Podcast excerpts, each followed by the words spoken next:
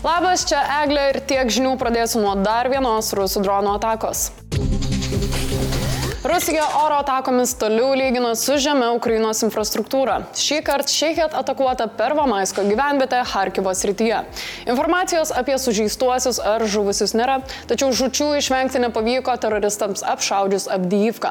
Dar vienas žmogus sužeistas ir dėja, bet atrodo, kad dronų pas Rusiją nemažės. Pranešama, kad su Irano pagalba šalyje statomi dronų gamybos objektai. JAV skaičiavimais iki dabar Iranas perdavė Rusijai virš 400 dronų. Beveik visi jie panaudoti kare. Vėl buvo užpultas Renio uostas prie Dunojaus. Žos. Šiek tiek apgadintas Rumunijos laivas, tad Rumunijos prezidentas pareiškė, kad pastarieji rusų apšaudimai didelė grėsmė saugumui Juodojoje jūroje. Apie prastėjančią saugumo padėtį prakalbo ir Junktinės karalystės gynybos ministerija. Juodojoje jūroje teroristai dislokavo modernę korvetę Sergei Kotov, kuri patruliuoja laivybos kelyje Bosforas Odessa. Šiam laivui gali būti pavesta perimti laivus, kurie Rusijos manimo plaukia į Ukrainą. Man regis, čia trūksta mūsų PIS trijulės, kuriai būtų pavesta tą korvetę pamokyti gerų manierų ir povandeninio nardymo. Ukrainos uostų ir juodosios jūros saugumo klausimams dėmesio bus skirta NATO Ukrainos tarybos posėdėje. Zelenskis sako, kad aprūpinimas maistu yra pasaulinis prioritetas ir Ukrainos taikos formulės dalis, bet pragaro pasiuntiniams nei taika, nei žmonių gerovė nerūpi. Keliose vietose užminavę Zaporižės atominę elektrinę, jie visiškai atjungia Ukrainos pusę nuo situacijos stebėjimo.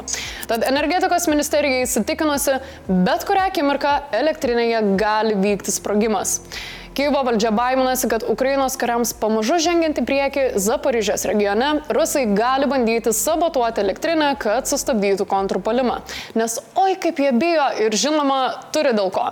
Jiemsgi šikna. Rusijos pareigūnai jau kalba, kad prasidėjo antroji kontrupolimo banga. Mes palauksim informacijos iš Ukrainos, bet kad bus okupantai palūšti visomis kryptimis, Faktas. O per nago juodimą netapęs grindų skudurų, Moskovijos atsitraukimų ministras Šoigu su delegacija apsilankė Šiaurės Korejoje. Matyt, pritrūko raketų ir artilerijos vidinių, kuriais Pchenjanas gausiai remia Maskvą.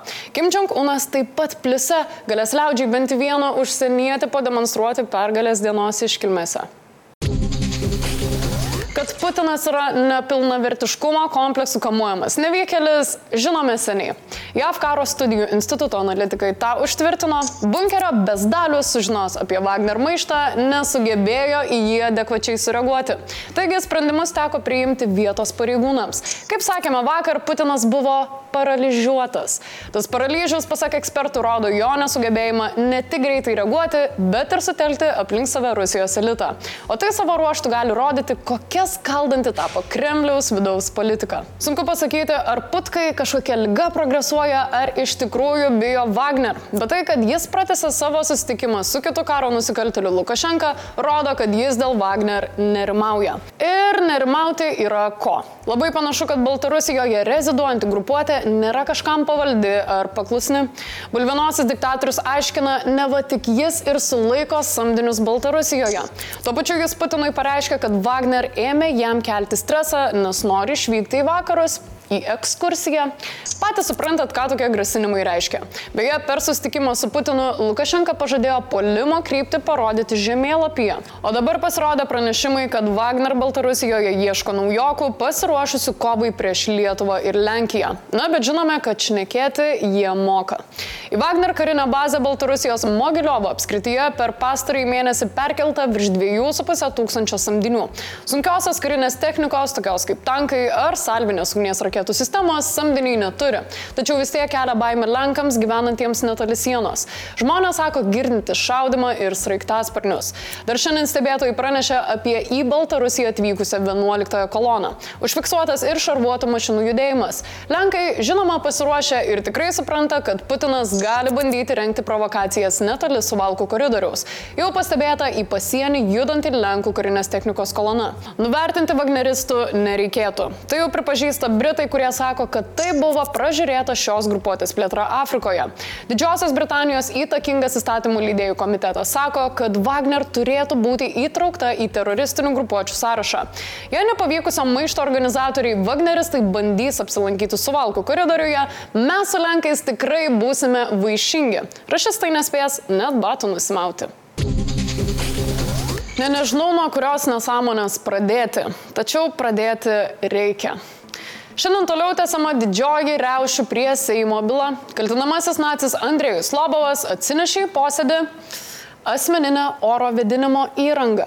NATO buvo, išleido visos šaibas, nėra argonui, freonui medžiagų, vėl teismo salė bus plus 30 ir, ir vė, oro necirkuliacija ir taip toliau. Nu tai va, aš iš namų pasėmiau parankinės priemonės. Lobovas ventiliatorių prijungė prie prailgintuvo ir sėdo priešais gaivaus oro srautą. Tuo tarpu kitas kaltinamasis melas, kleidžiantis celofanas, prasitarė informuosias Lietuvą, kur yra savavališkai tikriausiai tėvų išvežti ir teisėsaugos ieškomi trys vaikai prie ko čia celofanas? Jis pažįsta vaikų tėvą ir sako, kad šis gyvena pagal tam tikrą filosofiją. Būtent apie tam tikras filosofijas dar pakalbėsime. Viskas gyvenime susiję. Apie tą filosofiją perspėjo valstybės saugumo departamentas. Jie sako, kad Lietuvoje vis labiau siautėja suverenai. Ne, mes čia kalbame ne apie tas poras, kurios keičiasi partneriais ir ne apie mitinės būtybės. Suverenai nepripažįsta valstybės institucijų sprendimų ir yra įstikinę, kad gali nevykdyti teisės aktuose įtvirtintų gyventojų pareigų. Jie pasižymi agresyvę retoriką, linkia nevykdyti policijos pareigūnų reikalavimų ir ideologiškai palankus Rusijos ir Baltarusijos režimams. Jų judėjimas išpopuliarėjo per pandemiją, nesukėlė iliuziją, kad jais tampant galima išvengti ribojimų. Žodžiu, tai yra antivalstybinė ekstremistinė ideologija. Prie ko čia celofanas, nacis Lobovas ir suverenai? Suverenais esantis kelbėsi sutoktiniai iš Kauno, kurie iš valstybės laikinos globos pagrobė tris savo vaikus. Lobovas jau seniai sakė, kad jam negalioja mūsų valstybės įstatymai. Nausėda pašol. Kebra sumaišiau biški pavardę. Jis neslepia nemokantis mokesčių valstybei. Gal dar suverenais prisistatys, kas išteisiamųjų riaušių byloje? Ar nesakiau, kad bus keista naujiena? Kaip manote, jei jau suverenai nenori atlikti valstybės pareigų, gal jiems nereikia ir teisų? Kokiu teisų galėtų jie netekti? Parašykite komentaruose. Gaisrai viduržėme jūros regione vis dar neleidžia atsikvėpti. Nuo savaitgalio daugiau nei 20 tūkstančių žmonių paliko vien tik Rodo salą. Ir nors kelionio agentūros kviečia atvykti, Graikijos premjeras sako, kad šaliai yra totali pis Atsiprašau. Sako, kad šalis yra kare ir kad jų laukia dar trys sunkios dienos. Šiuo metu temperatūra siekia 45 laipsnius Celsijaus. Teigiama, kad per pastarąsias 12 dienų gaisrininkai kovojo su daugiau nei 500 gaisrų. Neapsėta be ugnegesių aukų. Du pilotai pildami vandenį virš Eubojo salos nesuvaldė lėktuvo ir trenkėsi į žemę. Iš viso gaisrai regione jau nusinešė daugiau nei 40 gyvybių. Daugiausiai jų pasiglemžė Alžyre. 34, iš kurių net 23 trys mirė beje regione. Nors teigiama, kad jau apie 80 procentų gaisrų užgesinti, tačiau aukšto intensyvumo darbai tęsiasi. Su ugnimi vis dar kovoja virš 8 tūkstančių darbuotojų, šimtai gaisrinių mašinų ir keletas orlaivių. Vakar minėjome, kad gaisrai labiausiai niokoja Graikiją, Siciliją, Tunisą ir Alžyrą. Tačiau jau šiandien sąrašas pasipildė. Italijos Fodžos regione buvo evakuoti daugiau nei 2000 žmonių.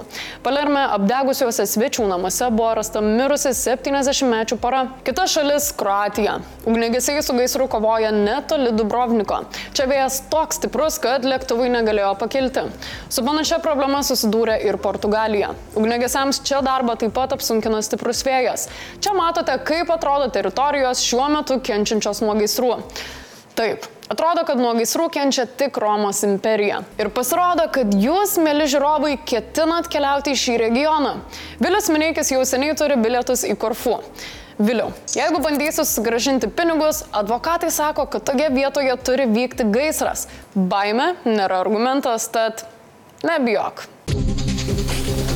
Blitz naujienos. Prezidentas Nausėda sukritikavo krašto apsaugos ministrą Arvidą Nušauską dėl jo paskelbtos informacijos susijusios su tankų pirkimu Lietuvos kariuomeniai.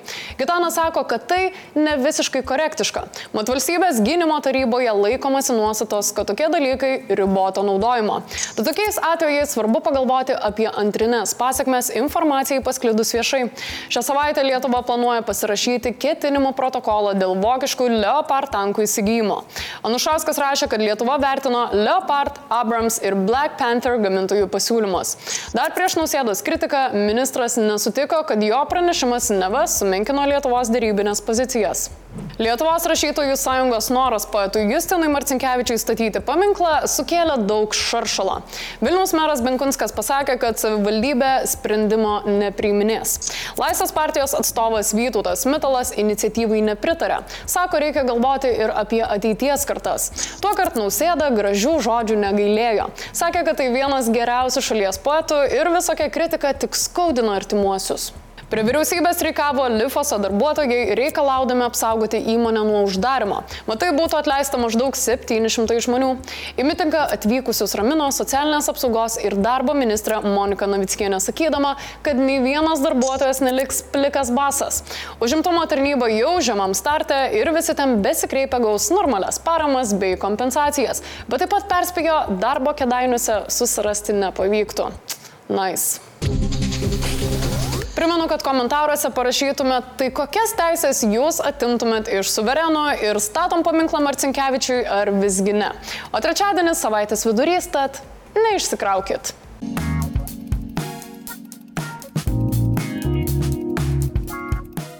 Komentarų metas. Volosui atrodo, kad labai pasisekė, nes sako, kad jam visos dienos kaip atostogos. Bet nu ar tikrai buvimas namie skaitosi kaip atostogos, ar ten spa kokį įsirengęs. Nu, gintas Indreika sako, kad jūros temperatūra prie Majamio 43,3 laipsniai. Melagėlį to aš ką tik tikrinau. Temperatūra ten siekia tik mažą 31 laipsnį.